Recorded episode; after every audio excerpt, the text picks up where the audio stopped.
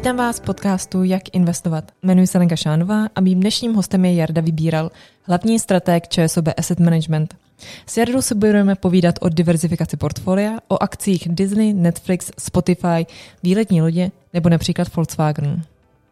Ahoj Jardo, vítám tě v podcastu. Dobrý den, ahoj, děkuji za pozvání. Já pracuji v ČSOB Asset Managementu, eh, na tento rozhovor jsem velmi rád přišel a považuji za důležité říct, že žádné z názorů zde uvedených nejsou investičním doporučením.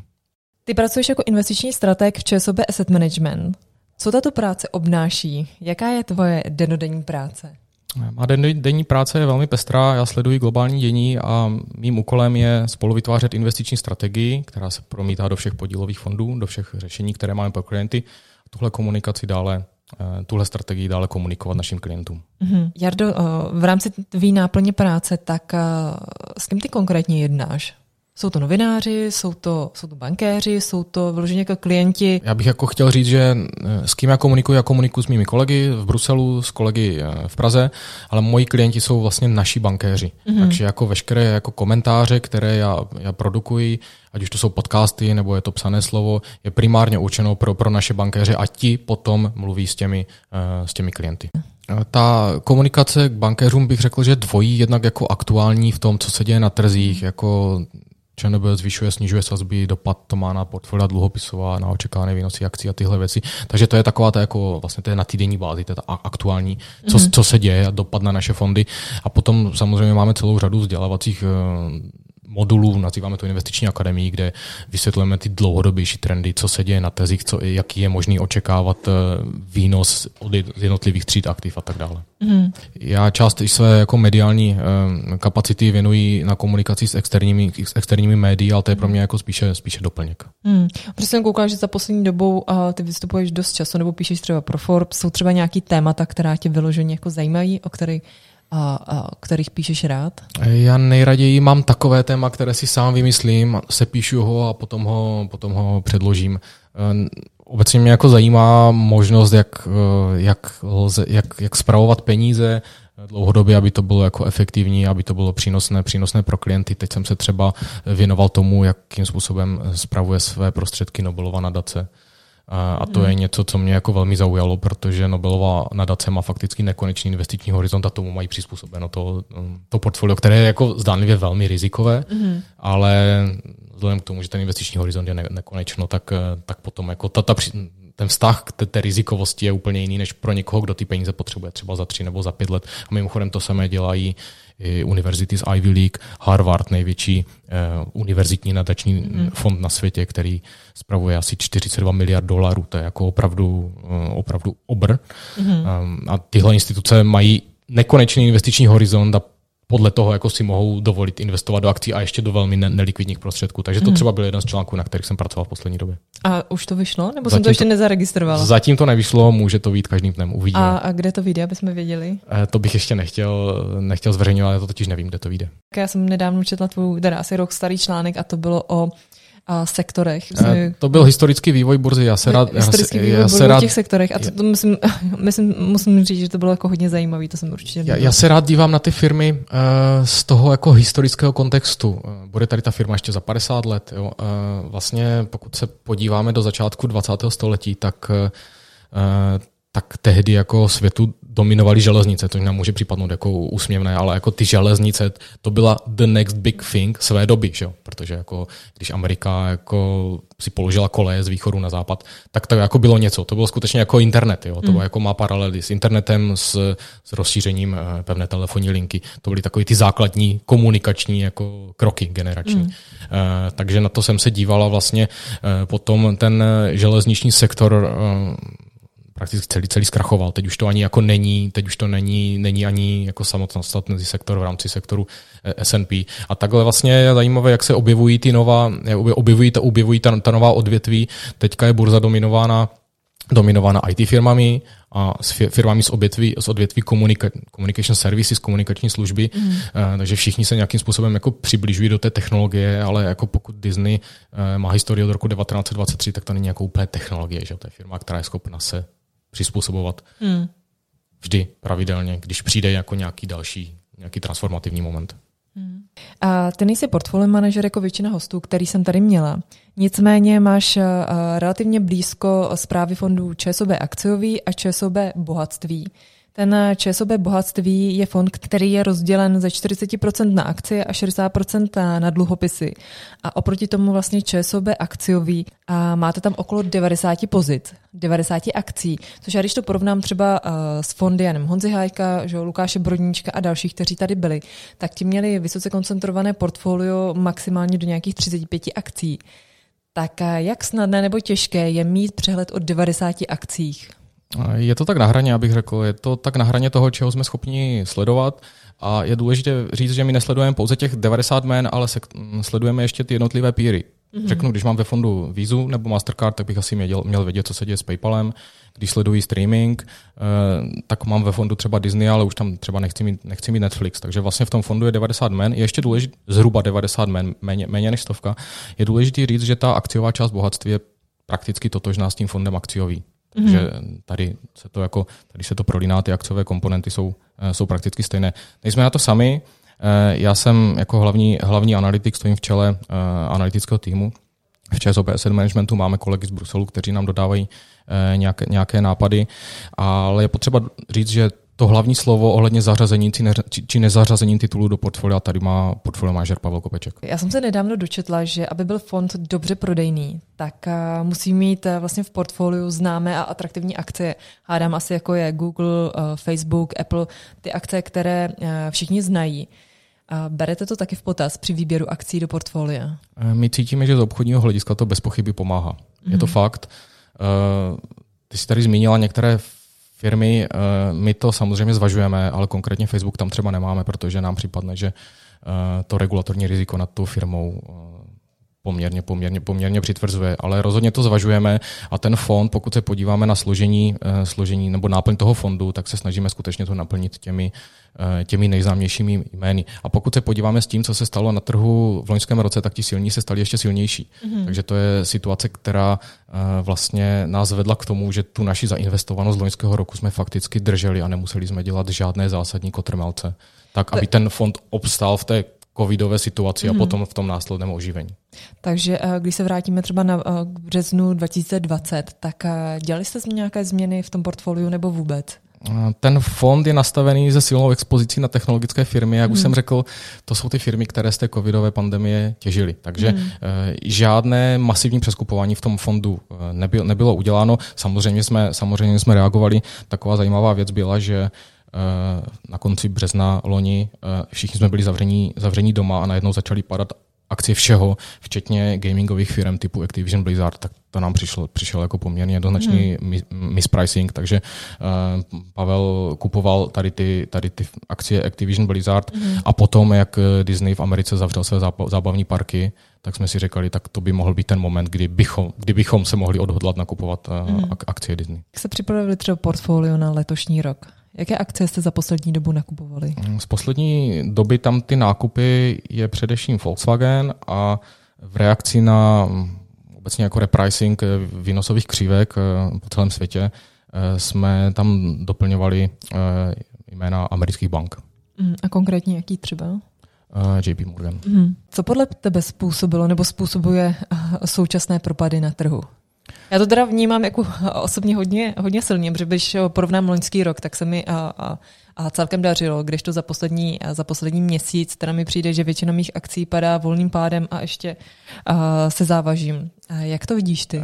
Tady to nevnímáme nějak, nějak dramaticky. Ono to dění ve světě je ve stylu takzvaného toho jako návratu do normality, back to normal, jak je to i ten náš hlavní, hlavní scénář. A je pravda, že Amerika, co se týká té vakcinace, postupuje fantasticky. Hmm.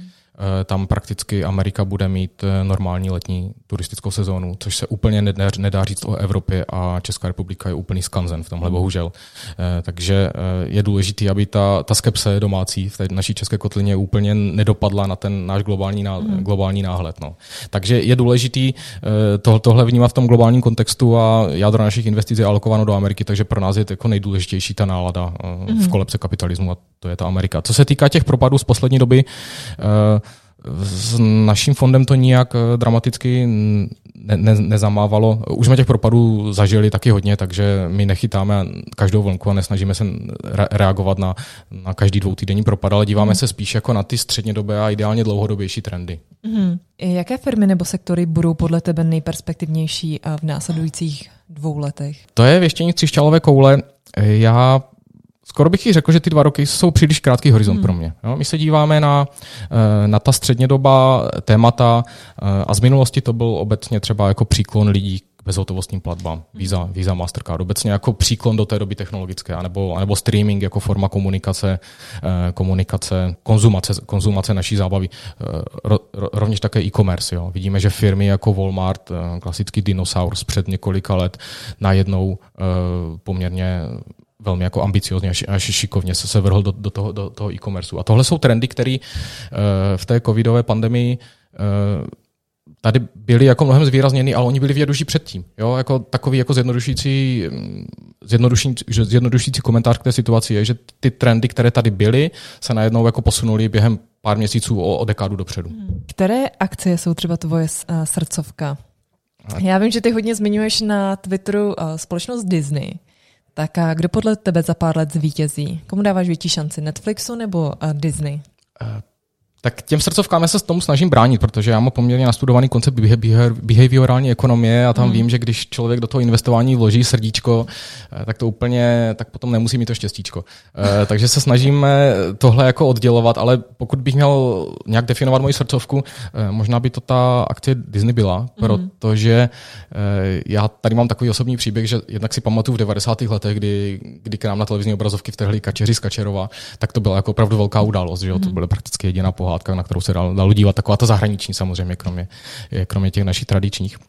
A potom v roce 2001 jsem strávil léto ve Francii, kdy jsem pracoval ve francouzském Disneylandu. Mm. A to byla jako perfektní životní zkušenost. A už tehdy jsem věděl, že jako hospodaření toho francouzského parku, toho francouzského Disneylandu nebylo úplně dobré. To nám mm. tam dávali nějaká, nějaká školení a byl to fakticky ztrátový podnik. Potom jsem tu firmu zase, zase pustil, uh, pustil z nějakého uh, blížšího sledování.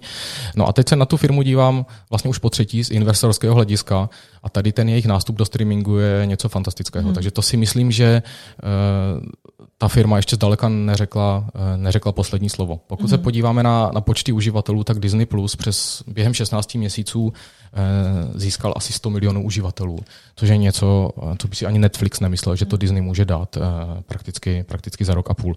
Nyní je tady lídr Netflix, který má 200 milionů klientů, hmm. ale ta, ta pozice těch firm je, je úplně, úplně jiná já nechci kritizovat Netflix, protože to je skvělá firma a bohužel jsem její akcie před 20 lety si nekoupil, ale na tom Netflixu je krásný, jak se ta firma dovedla, dovedla transformovat. Netflix začal někdy v roce, v roce 97, 98 a vlastně jeho úvodní business model byl ten, že rozesílal DVDčka poštou. To už si v dnešní době nedovedeme, nedovedeme ani představit. Eh, takže vlastně Netflix se stal lídrem na tom streamingu, sám si nadefinoval eh, celé odvětví, do kterého už teď Teď, teď jdou fakticky všichni. No a Netflix tomu přistupoval tak, že uh, neměl svoji produkci, takže ji začal někdy okolo roku 2013 mm, budovat sám uh, a toho stálo strašně moc peněz. Uh, půjčoval si, neustále, neustále se zadlužoval na tu, na tu produkci a ono to s tou firmou nevy, nevypadalo úplně dobře z toho, z toho jako pohledu na free cash flow, protože pokud jako firma krvácí na hotovosti, tak mm. to není udržitelné. To jako, buď to ta firma jako vyroste a překlopí se eh, někam minimálně na nulu, anebo, anebo jako zkrachuje a někdo ji, někdo ji třeba koupí. No. Uh, takže vlastně Netflix byl ten první, který nadefinoval ten streaming, co to vlastně je a byl v tom jako nesmírně úspěšný.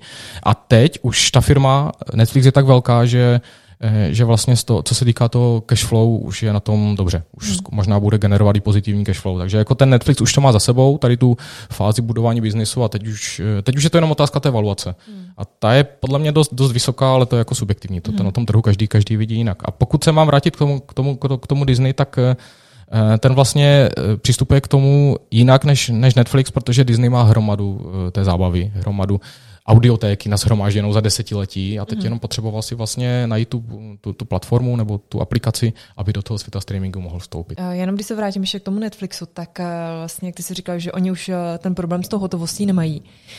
Spíš právě uvažují o buybacku, tedy o zpětném odkupu akcí. Co to přesně znamená buyback a jaký je proto hlavní důvod a jaké jsou hlavní benefity buybacku? No to už je definitivní signál toho, že ta firma je v pohodě, že už, už si to může dovolit. Buyback je mm, zpětný odkup svých vlastních akcí, takže to je vlastně jako odměna pro akcionáře, kteří po proběhnutí toho buybacku budou vlastnit větší podíl firmy, protože firma eh, ty akcie může skoupit a pak je může delistovat. A, takže já když vlastně vlastním jednu akci ze 100 a o rok později vlastním jednu akci z 90, tak jako vlastním větší poměrnou část, eh, poměrnou část té firmy. Takže ten buyback je rozhodně jako pozitivní signál. A ty jsi sám uh, předplatitelem uh, Netflixu? Uh, jsem, jsem a uh, jsem předplatitelem Netflixu, předplatitelem HBO, takže mám vlastně dvě tyhle Eh, dvě tyhle služby. Mm. Je důležitý, eh, kolik těch služeb je schopen, nebo kolik těch služeb je schopen si jediný spotřebitel předplácet. Hmm. Podle těch průzkumů, co vidíme v Americe, tak je tam prostor tak na, na jednu, dvě, hmm. bez problémů, ale pak už, pak už to drhne. Takže jako důležitý skutečně vybrat si toho, z investičního pohledu vybrat si toho lídra a, to, a toho se držet, protože ti budou mít ten velký počet uživatelů, na, díky čemu zase budou budovat tu videotéku a tak dále. Um, ale jako investovat v tomhle do hráče 5, 6, 7, to už bych se jako raději vyhnul. Mm. Netflix měl nárůst počtu jako nových předplatitelů zhruba nějakých 23% za poslední rok. Určitě to bylo právě díky covidu, protože sedět doma u televize bylo takový nejsnadší a nejjednodušší asi zábava. Nicméně myslíš si, že takový nárůst je udržitelný v následujících několika letech? Já to vnímám jako hodně velký generační zlom, pokud se bavím jako s generací našich rodičů, mm-hmm. tak eh, ti budou sedět u té klasické televize. To jsou jako jejich návyky, ale naše děti už uh, nic jiného než Netflix anebo Disney Plus mm. nebudou, ne, ne, nebudou znát. Takže samozřejmě uh, Disney má obrovský štěstí, že půl roku před vypuknutím největší pandemie za posledních 100 let rozjel svoji streamingovou službu. Protože pokud bych měl říct něco jako k Disneymu, na čem ta firma jako je postavena, tak první fascinující věc je, že ta firma vznikla v roce 1923. Jo, to není žádný jako uh, uh, to není žádná firma jako z 20 letou historii, to je skutečně jako firma, která se v průběhu své historie musela transformovat mm-hmm. mnohokrát. Eh, bylo, bylo období, kdy vlastně začali budovat své, své zábavní parky například v Americe, potom, eh, potom dále ve světě, eh, ve Francii, v Japonsku, v Hongkongu. A potom měl, Disney měl, jako firma měla období, kdy kupovala klasické televizní kanály, tom vlastně měli období, kdy kupovali eh, Pixar. Teďka vlastně ten, ten, to překlopení do streamingu bylo jako další krok, jo? takže vlastně ta firma ukazuje za tu svoji historii, že každou dekádu je schopna udělat nějaký eh, fakticky transformativní krok eh, směrem tam, kde to ti konzumenti ocení. A to je pro mě jako něco velmi hodnotného, protože já když eh, do svého osobního portfolia eh, zahrnu firmu, koupím firmu, tak já ideálně ji chci držet 20, 30, 40 let a je pro mě jako velmi důležité, jestli ta firma tady bude za 20 mm. let. Jo?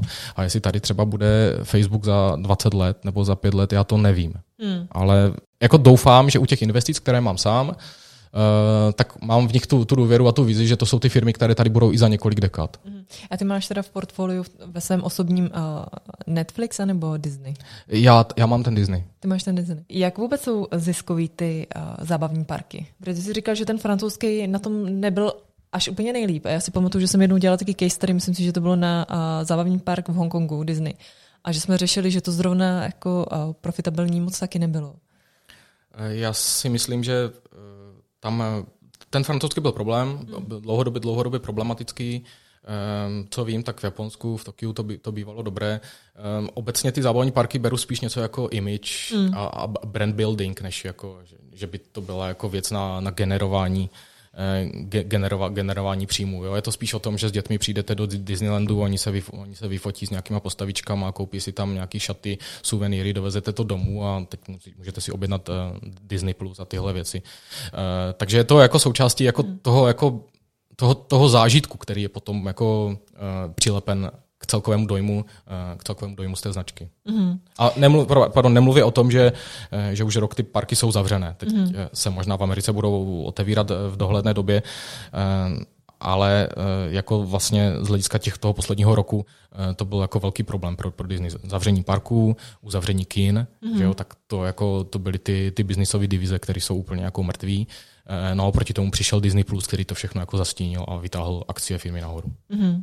Já když se ještě vrátím eh, vlastně těm předplatitelům třeba Netflixu, tak um, Samozřejmě se hodně jako spekuluje, jestli bude ten nárůst těch předplatitelů jako by stejný jako příští rok, nebo jestli uh, spousta lidí prostě, prostě zruší předplatné, protože už nebudou chtít sedět u té televize. Nicméně, když se uh, kouknu třeba na lidi v mém okolí, tak tam vidím jako dva důvody, proč to, proč to neklesne. A to je jeden ten, že jsou lidi vlastně i líní a zrušit to předplatný. Já nevím, jestli to vnímáš stejně nebo ne, ale kolem mě prostě spousta lidí vlastně si jako nechce hledat někdy to tlačítko, zrušit to předplatný. A druhá věc je, že spousta lidí se vlastně um, nakoukalo seriály během toho covidu a čekají na nové série, protože ty se nenatáčely během covidu. Takže i to si říkám, že je jeden z důvodů, proč lidi vlastně nebudou uh, rušit ty předplatný.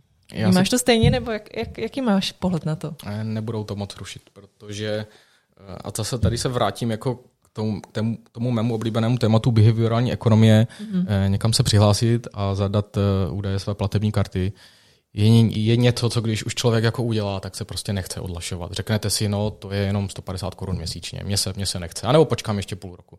Takže e, možná tam nebudou pokračovat ty nárůsty, tak mm. jako to byl covidový kopanec dopředu, ale že by, že by docházelo k nějakému masivnímu rušení, e, to nevím. Spíše jako otázka, kdo další ještě mezi tyhle firmy může vtrhnout, tak aby byl jako skutečně relevantní, relevantní konkurent. A vidíš tam někoho? Kdo by mohl být uh, ta trojka? To já zatím nevím. Já se přiznám, že já rád investuji do lídrů odvětví, anebo do někoho, kdo má jako ambice toho lídra jako vyšoupnout. Mm. A momentálně je tady lídr Netflix a myslím si, že Disney ještě neřekl poslední slovo, takže to by dle mého odhadu eh, nebo možná dle mého přání mohl být ten, ten, ten budoucí lídr. Mm. Včera na Twitteru zmínil Martin Miller eh, společnost roku která významně stojí za rozšíření Disney+. Co si myslíš ty o společnosti roku? Já tu firmu vnímám, že, že existuje v rámci toho, jako, mm, toho streamingového tématu, eh, tak jsem se na ní včera večer díval, eh, jak ta firma, eh, firma hospodaří. Momentálně ta firma je je ztrátová, eh, má tržby 2,5 miliardy dolarů, ale tržní kapitalizací 41 miliard, takže tam už je zaceněno skutečně hodně. Eh, ta firma eh, poskytuje zařízení pro streaming, je to nějaký agregátor streamingových poskytovatelů, takže by to mohlo fungovat. Hmm. Já mám takovou jako filozofii, že když vypukne zdravá, pardon, když vypukne zlatá horečka, tak, tak chci prodávat lopaty a krumpáče. Takže ten, ten roku je tady nějaký jako poskytovatel nebo nějaký ulehčovatel tady té, jako té streaming, toho bez pochyby jako masivního streamingového trendu. Takže by to mohlo fungovat, ale uh, předtím, než bych do té firmy investoval, tak bych teda uh, chtěl, chtěl vědět přesně ten, ten hardware, co roku vyrábí, jakým způsobem je to vlastně designováno, jestli to může začít vyrábět někdo jiný. Jo? Jako mm. jestli jsou tam bariéry vstupu takové jako zásadní, abych věděl, že, že roku je firma, která tady bude za 10-20 let, anebo je někdo nahradí. Může nahradit Google a Amazon s nějakou, s nějakou svojí hračkou. A to jsou pro mě jako otázky, na které bych potřeboval odpovědi, abych mohl investovat. Momentálně ty, ty otázky, otázky nemám. Nemluvím o tom, že ta valuace se mě zdá vysoká, ale to mm. může plynout z toho, že to nemám ještě dokonale zanalizováno. Já když přejdu teď k tvému osobnímu portfoliu, tak liší se třeba tvé osobní portfolio od uh, portfolia ČSOB akciový, nebo vyloženě kopíruje tvé portfolio a, a tento fond? Eh, já mám nějaké investice ve fondu ČSOB akciový, považuji za důležité, aby ti lidé, kteří spravují investice, část svého majetku vložili do těch příslušných fondů. Je to jako otázka, otázka nějaké jako obecně důvěryhodnosti a, a, a nějaké vlastní serióznosti. Mm. Takže mám, mám prostředky fondu ČSOB akciový a vedle toho mám samozřejmě mé, mé osobní portfolio. My v tom fondu ČSOB akciový e, máme takovou, snažíme se dodržovat takové, takovou tezi, že jako kupujeme kvalitní firmy za, za rozumné ceny. Mm. E, a máme poměrně e, jako striktní kritéria na výběr těch, těch firm. Díváme se na dlouhodobé strukturální trendy ve společnosti, která nám mohou vygenerovat nějaké, nějaké zajímavé firmy, investiční nápady. Chceme, aby ty firmy měly konkurenční výhodu, tržní lídr ideálně, anebo, mm. anebo rozhodně ve špičce, možná s ambicí, eh, s ambicí toho tržního lídra eh, překonat. Eh, díváme se na omezené zadlužení, protože dluh je věc, která nevadí až do momentu, kdy může začít vadit a pak už je pozdě. Mm. Chtěli bychom tyhle firmy nakupovat při smysluplném ocenění. Díváme se na corporate governance, jak firma přistupuje k minoritním akcionářům. A díváme se na, na takzvané eh, ty red flags, což jsou jako momenty, které nám řeknou pozor, tak teď raději do toho ne. Eh, problémy s účetnictvím, eh, nadměrný dluh, anebo jako firmy, o kterých si myslíme, že zůstanou dinosaury minulosti. Mm. Těch je, těch je spousta takových případů. Můžeš takže, nějaký zmínit třeba dinosaury minulosti? No tak třeba Kodak, že jo, to byl jako typický, typický případ firmy, která byla jako dobrá, dobrá a v určitý moment přestala a potom hrozně rychle přestala být mm-hmm. dobrá, už, už uh, už, už, se, už, už, se, už se nezvedla. Ale nebo třeba Thomas Cook, to byla jako cestovka, že jo, která mm. poměrně nedávno nedávno zkrachovala a jako byla to cestovka, která své produkty distribuovala přes kamenou síť, tak to je jako firma, která úplně jako zaspala 21. století. Že? Hmm. Ty jsi zmiňoval i problémy s účetnictvím. Máte teď třeba red flag prostě u nějaký firmy, která právě si myslíte, že má problémy s účetnictvím? Napadá tě nějaká akce teď? Ne, to nemáme. Ve fondu se snažíme těmhle věcem e, vyhýbat a hmm. opravdu si na to dáváme, dáváme, dáváme velký pozor. Ale jestli bych se mohl vrátit, tak jako to je jako filozofie toho fondu a je jako důležité říct, že konečný slovo tady má jako portfolio manažer mm. Pavel Kopeček, co se týká jako co se týká jako náplně toho fondu. Takže já za ním mohu přijít, řeknu mu, Pavle, podívejme se na tohle nebo na tohle, máme jako analytický tým, je nás jako víc, co přicházíme s těmi, s těmi nápady, potom dáme hlavy dohromady, ale on má finální slovo, mm. co se týká výběru těch jednotlivých titulů. Vrátím k tomu tvému osobnímu portfoliu. Tak jak máš třeba své portfolio diversifikované? Investuješ pouze do akcí nebo i do dluhopisů, nemovitostí, případně i nějakých alternativních investic? No, drtivá většina mého portfolia jsou akcie. Mm-hmm. Mám tam drobnou expozici v dluhopisech, ale to jsou dluhopisy rozvíjejících se zemí, takzvaně EMBI, Emerging Market Bonds, mm. což považuji za takový jako zajímavý segment dluhopisů v dnešní době, který je schopen přinést, přinést výnos. Jsou to dluhopisy vládní zemí jako Mexiko, Indonésie, Brazílie, Peru diverzifikované zhruba po 3 až 5 mm-hmm. Takže to je jako taková drobná jako dluhopisová komponenta v mém portfoliu, do nějakých, dejme tomu, 5% takže jako je to doplněk. A potom držím tak 25 až 30 pozic eh, ve svém, mm. ve svém osobním portfoliu. Eh, když to koupím, tak vždycky doufám, že tu firmu budu držet 20-30 let. Eh, Takže neděláš žádný aktivní změny, že by si třeba plus minus 50 akcí jako by prodával, nakupoval za rok? Dělám změny, ale málo. Bráním se tomu. Pokud mám nějaké pěkné zhodnocení na jedné z mých akcí, tak to jsou ti vítězní koně a já nechci prodávat. Spíš, pokud mám tendenci dělat změny, tak, tak to jsou ty příběhy, které se nepovedou, anebo, anebo se dostanou úplně jako mimo ten scénář, mm-hmm. s kterým jsem do toho, do toho vstupoval a pak je potřeba tu situaci přehodnotit a říct si, jako má to ještě cenu, nebo, nebo to uzavřu a budu se věnovat, eh, budu se věnovat něčemu jinému. Já pokládám jako za důležitý tu, ty firmy nebo to portfolio mít diverzifikováno, eh, tím, že tam mám tam zhruba, zhruba tak těch 25 pozic, eh, tak aby byla pozice na jednu firmu 3-5%, mm. Eh, a vlastně hotovosti už moc nemám, takže já, když hmm. mám nějakou hotovost, tak ji špatně udržím a většinou, většinou jdu za nějakým investičním nápadem, kterých mám pocit, že je jako neustále dostatek. Hmm.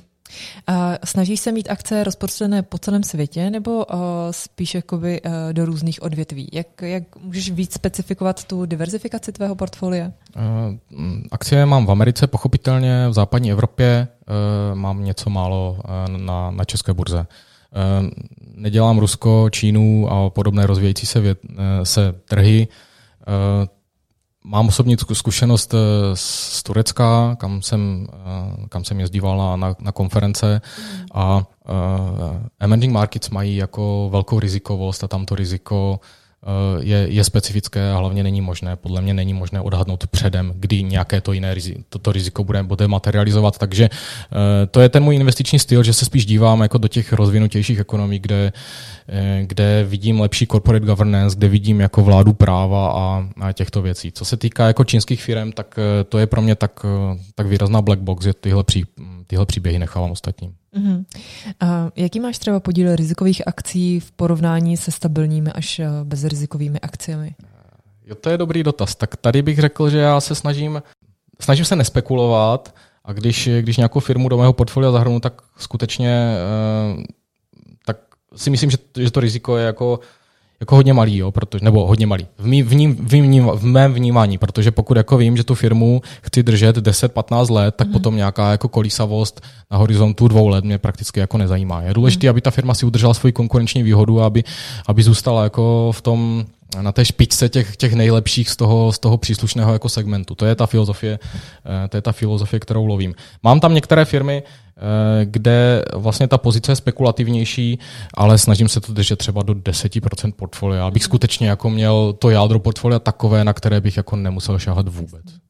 A jednáš někdy spontánně, že třeba řekneš, tak a teď, když třeba konkrétně, uh, teď, když se díváš na akcie a ta uh, konkrétní akce třeba propadne o 10%, tak třeba si řekneš, tak to je příležitost k nákupu a třeba jakoby jenom vnímáš tu, že tu akci můžeš držet uh, jeden, dva, tři dny? No ale tam je důležité, abych tu firmu znal předtím, jo? Aby, aby tam byl jako nějaký jako příběh, abych tu firmu měl zmapovanou. A to se může stát, jo? Že, že firmu mám Eh, nastudovanou, studu, mm, sledují je, několik měsíců nebo několik let, pak, pak dojde k pádu, takže jako okamžitě vím, nebo hmm. zhruba vím, co se tak může dít. Jo. Pokud jako uh, vidíme nějakou firmu, která uh, jenom na tom grafu se propadne dolů, tak to je jako další jako z nějakých behaviorálních možných chyb. Jo.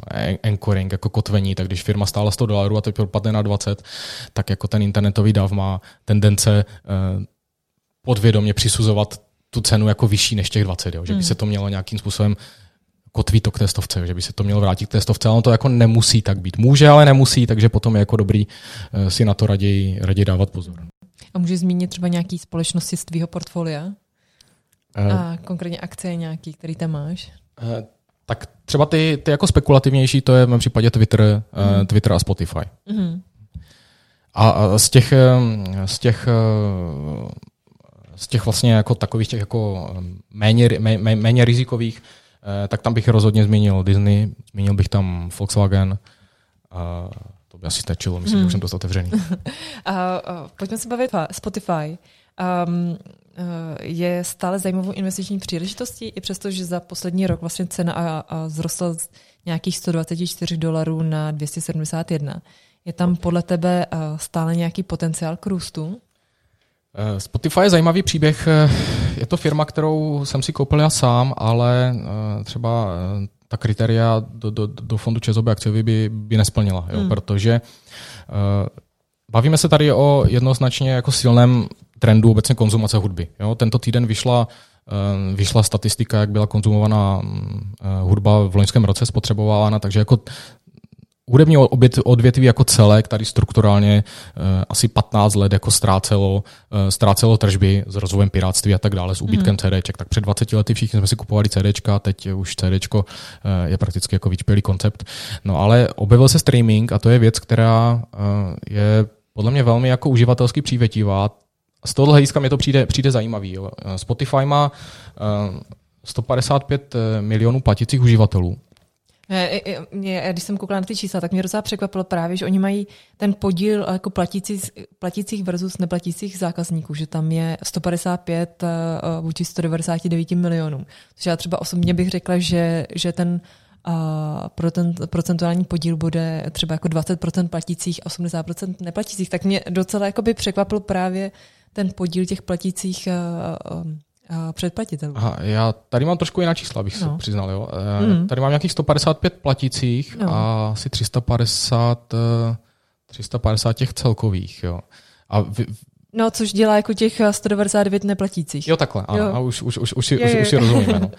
E, jako o, hodně lidí platí za hudbu. Mm. Jo? Ho, ho, hodně lidí, tak to se omlouvám, to jsem asi špatně pochopil. E, hodně lidí platí, platí za hudbu. Jo? Mm. Pro, pro generaci Z a pro mileniály Eh, je normální platit za digitální, za digitální obsah tak, jak jsme my nebo naši rodičové hmm. chodili do trafiky si kupovat, eh, kupovat noviny.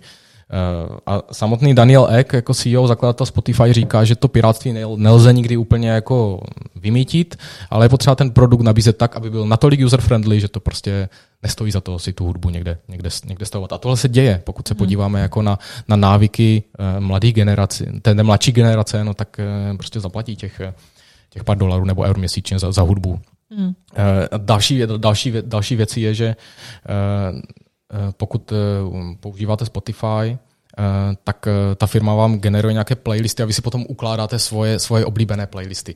A potom ta služba je strašně jako návyková v tom, že vy nechcete přijít o hudbu kterou jste poslouchali třeba před deseti lety nebo před pěti lety. To už je potom nějakým způsobem jako e, emoční vazba k tomu hmm. navázaná. A, takže to je, to je jako kvalita toho produktu, která mě tady přijde, přijde velmi dobrá. Spotify šlo na, na burzu v roce 2018, tehdy měli 71 milionů platících uživatelů, teď mají 155, takže se jim hmm. jako daří a mají dlouhodobý, dlouhodobý cíle přidávat zvyšovat tržby o 20, 20% ročně. Problém s tou firmou je, že ta firma musí platit licence za, za hudbu. Mm. Těm, především těm třem velkým nahrávacím eh, studiím, eh, Warner Music, Universal Music a Sony Music Entertainment. Takže vlastně problém té firmy je, že taková ta jako, tam nejsou, výno, tam nejsou výnosy za rozsahu. Jo. Když firma jako obdrží tržby mm. do jednoho dolaru, tak musí zaplatit 70 centů za ty royalties. Když dostane druhý dolar, zase musí to platit těch 70 centů. Takže toto je, jako je problém té firmy, který, eh, který je potřeba vyřešit, aby ta firma mohla, mohla vyřešit, aby ta firma mohla úspěšně pro úspěšně, úspěšně fungovat do budoucna. Ale já si myslím, že jako v určitý moment by se mohlo stát, že Spotify bude jako mít, že v ruce bude držet silnější karty,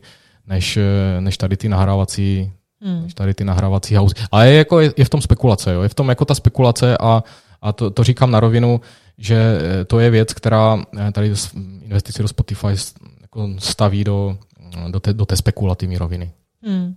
A myslíš si, že do budoucna bude Spotify ziskový? Protože přece jenom už od počátku už je na trhu těch 15 let zhruba a ani jeden rok nebyl v zisku. Není ziskový. Není ziskový, ale pokud se podíváme na free cash flow, tak to je drobně kladný. Hmm. Takže takže ta firma je v pohodě. Jo. Hmm. Tam se nemůže stát to, co, co, co hrozilo Tesle anebo Netflixu, jako když firma jako přicházela o peníze a musela vydávat nový dluhy, tak jako z tohohle hlediska uh, tady Spotify může být dlouho při tomto, bizní, při tomto obchodním modelu, který má. Jo. Uh, a Spotify to samozřejmě ví, že jako ty vysoké platby za, za royalties jsou problém, tak co, co se stalo v poslední době, velmi atraktivní téma, podcasty. My tady také natáčíme podcast. To je věc, které, které Spotify jako vlastně přináší, propaguje eh, a akcie velmi pozitivně reagovala na to, když eh, Spotify oznámilo eh, díly na podcasty na, na Michelle Obama, Kim Kardashian nebo Joe Rogan. Mm. Takže vlastně výhoda těch podcastů je, že Spotify za to nemusí platit žádné, žádné ty royalties. A potom tu, tu, tu firmu staví do úplně, úplně jiné roviny. Ale samozřejmě otázka, jak to bude do budoucna, do hmm. budoucna nevíme.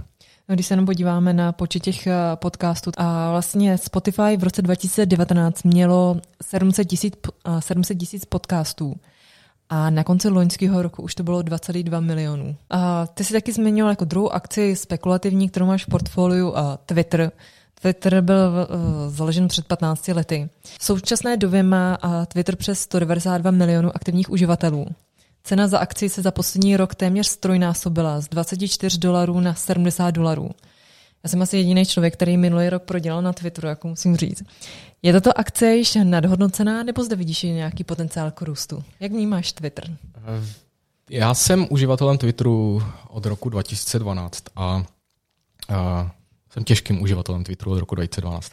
A, je to návykový, co? Je to návykový a já vidím, že pokud se podívám na ty, na ty uživatele, tak, eh, tak asi 80% novinářů, politiků a biznismenů má účet na Twitteru. Takže eh, ta, ta networkingová jako kapacita eh, té, té Twitterové sítě je něco jako neuvěřitelného. Podle mě to nejhodnotnější profesní síť, která, Eh, která kdy vznikla. Mm. Jo, když to srovnám s ostatními sítěmi, tak jako Twitter mě baví a LinkedIn mě nebaví. A mm. já to neumím úplně přesně vysvětlit, čím to je. Jo, mm. Ale jako LinkedIn je pracovní nuda a ten Twitter je pro mě, pro, pro, pro mě, pro mě zábava. Eh, já si myslím, že Twitter je nevybroušený diamant. A má to tu spekulativní, spe, spekulativní povahu.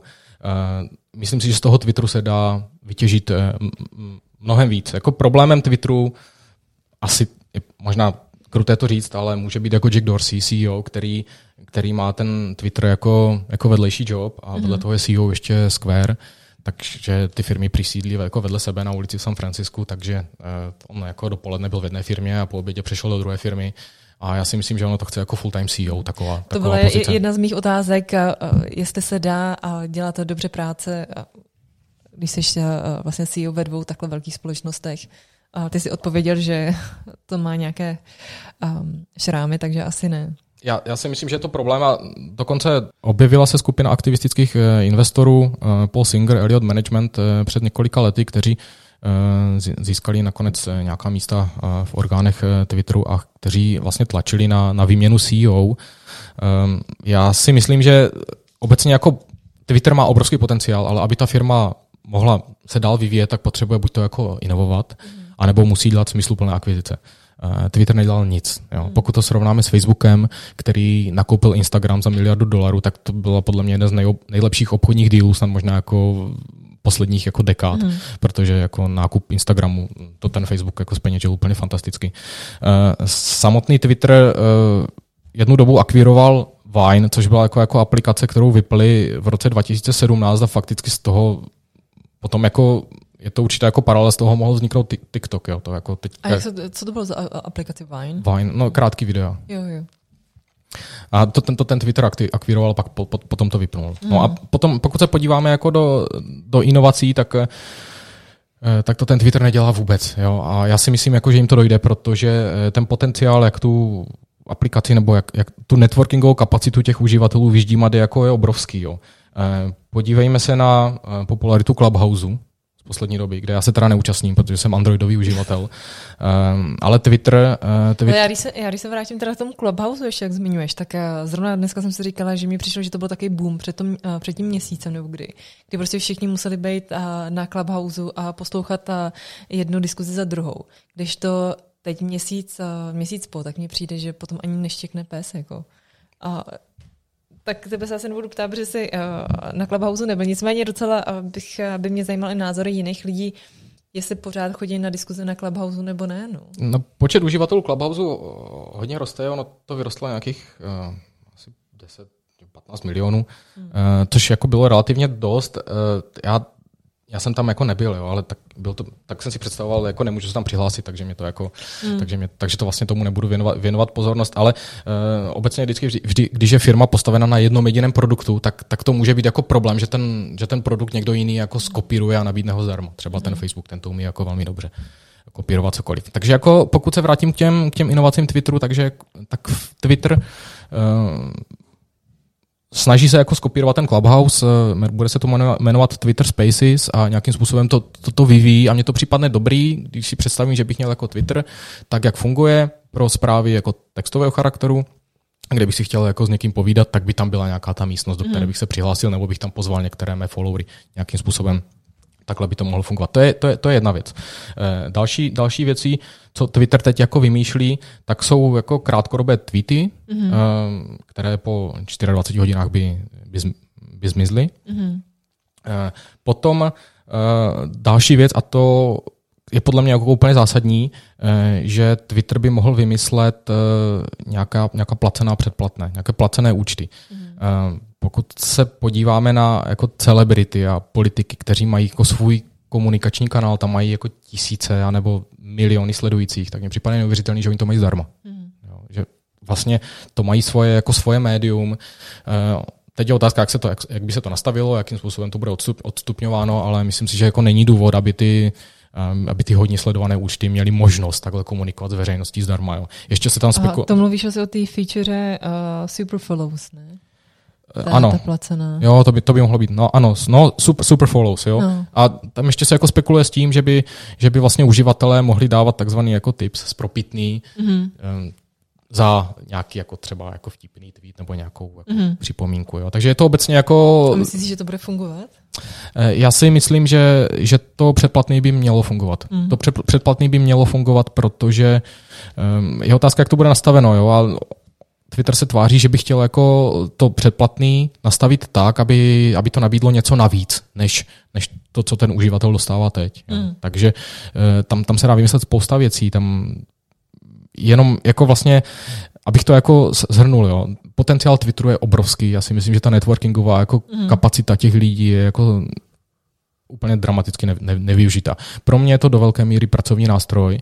Já se tam dozvím obrovské množství informací z trhu a mně připadne neuvěřitelné, že je to zdarma. Jo, pokud si vedle toho uh, srovnám jako Bloombergový terminál, eh, který stojí nějaký tisíc dolarů měsíčně a, a víc, jo, jak, pro, jak, pro, jak, jak pro kterou firmu, tak vedle toho jako si můžu nastavit Twitter a samozřejmě se tam nedostanu ke všemu, co je na tom Bloombergu, ale jako dostanu se k, ke spoustě informací, které jsou zdarma. Takže připadne mě neuvěřitelný, že je to zdarma a ta firma je jako je jako nevybroušený diamant. Ale je potřeba říct, že pokud investuju do Twitteru, tak investuju do něčeho, co tam není zatím.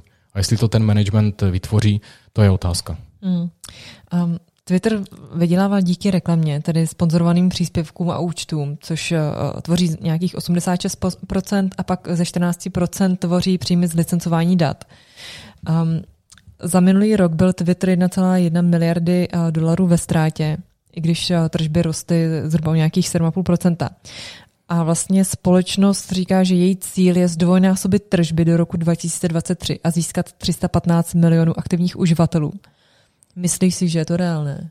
Já si myslím, že to, pokud to chtějí tohle dosáhnout, tak musí zapracovat na těch inovacích, o kterých jsem tady teď mluvil. Bez toho to nedají. Takže jako musí inovovat, musí být atraktivní. Uh, dá se tam vymyslet celá řada, mohou se nějakým způsobem pustit do, do, do e-commerce. Eh, podle mě ten Clubhouse je něco, co se úplně jako nabízí, pokud by mohli vlastně skopírovat Clubhouse a přinést to pro Android, jo, tak ten první, kdo přinese jako Clubhouse pro Android, rozhodně bude jako v tomhle mít nějaký, nějaký náskok. Uh, ale když tady vidím, jak Facebook umí kopírovat konkurenci, tak uh, myslím si, že i ten Twitter by se mohl probrat a taky jako něco zajímavého, zajímavého přinést svým uživatelům. Když jsme se bavili o tom, uh, o čem bude tady ten rozhovor, tak um, ty jsi zmiňoval i vlastně výletní lodě. Máš nějakou společnost ve svém portfoliu? Uh, už nemám. Uh, už nemám. Uh, ten příběh výletních lodí je takový, že loni v březnu ty lodi byly odstaveny hmm. a myslím, že nikdo si nedovedl představit, že o rok později ty, ty firmy ještě, ty lodi ještě budou na suchu. Jo. Uh, takže vlastně tady ta investice se dostala úplně mimo nějaké myslitelné scénáře. Uh, vlastně nejhorší možná věc, kterou já jsem si představoval, že se těm, tomu segmentu výletních plaveb může, může stát, je um, stroskotání lodi Costa Concordie v roce 2011. Ta, to byla jako pro akcionáře poměrně krátkodobá záležitost a ten propad akcí byl asi 10-11% nebo 15%. Jako nic, nic, nic, nic mimořádného. A když do našich životů vtrhla ta covidová situace, tak vlastně v tom březnu se, se ty lodě odstavily. A teď je jako zajímavý, Eh, jaká je jako síla eh, tady tohohle odvětví přežít. Jo. Mě to jako fascinuje, protože ty, ty firmy mají fakticky jako nulové tržby, mm. ale jsou tady moratoria, věřitelé čekají, banky čekají, protože nikdo nechce, aby jim do, do zástavy propadla výletní loď. Co by s tím pro boha kdo dělal? No já, když jsem se právě dívala na to, co se děje pak s těma loďma, loďma tak buď uh, oni se prodávají jako menším společnostem, které se jí pak uh, um, uh, předělají Nicméně část těch lidí vlastně jde jako šrotovné. Ta společnost na tom získá 100 až 400 dolarů snad za tunu. Tak právě, ale říkala jsem si, jako, že v téhle době prodávat lodě a i některé ty společnosti právě se chystají teď prodat a své nevýdělečné lodi.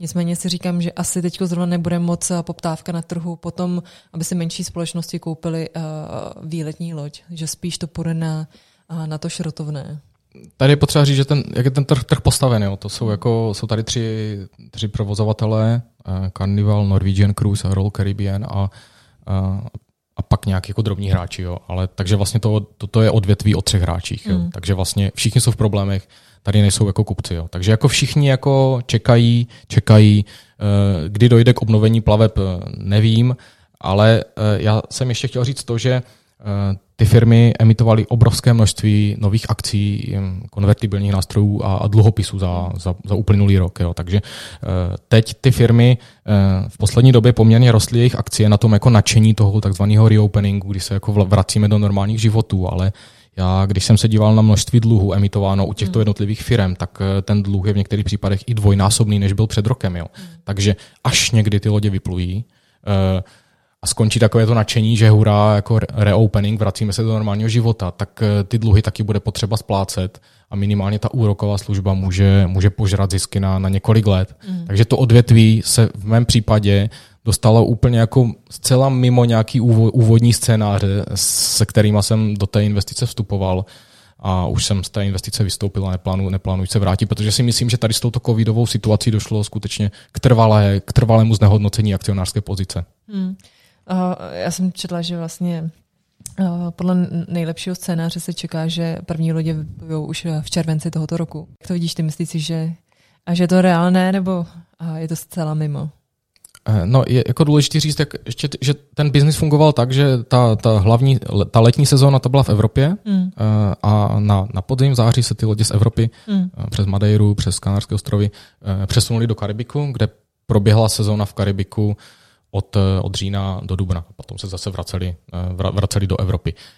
Takže vlastně letní sezóna v Evropě bude velmi omezená ve hmm. Středomoří, pokud, pokud nějaká.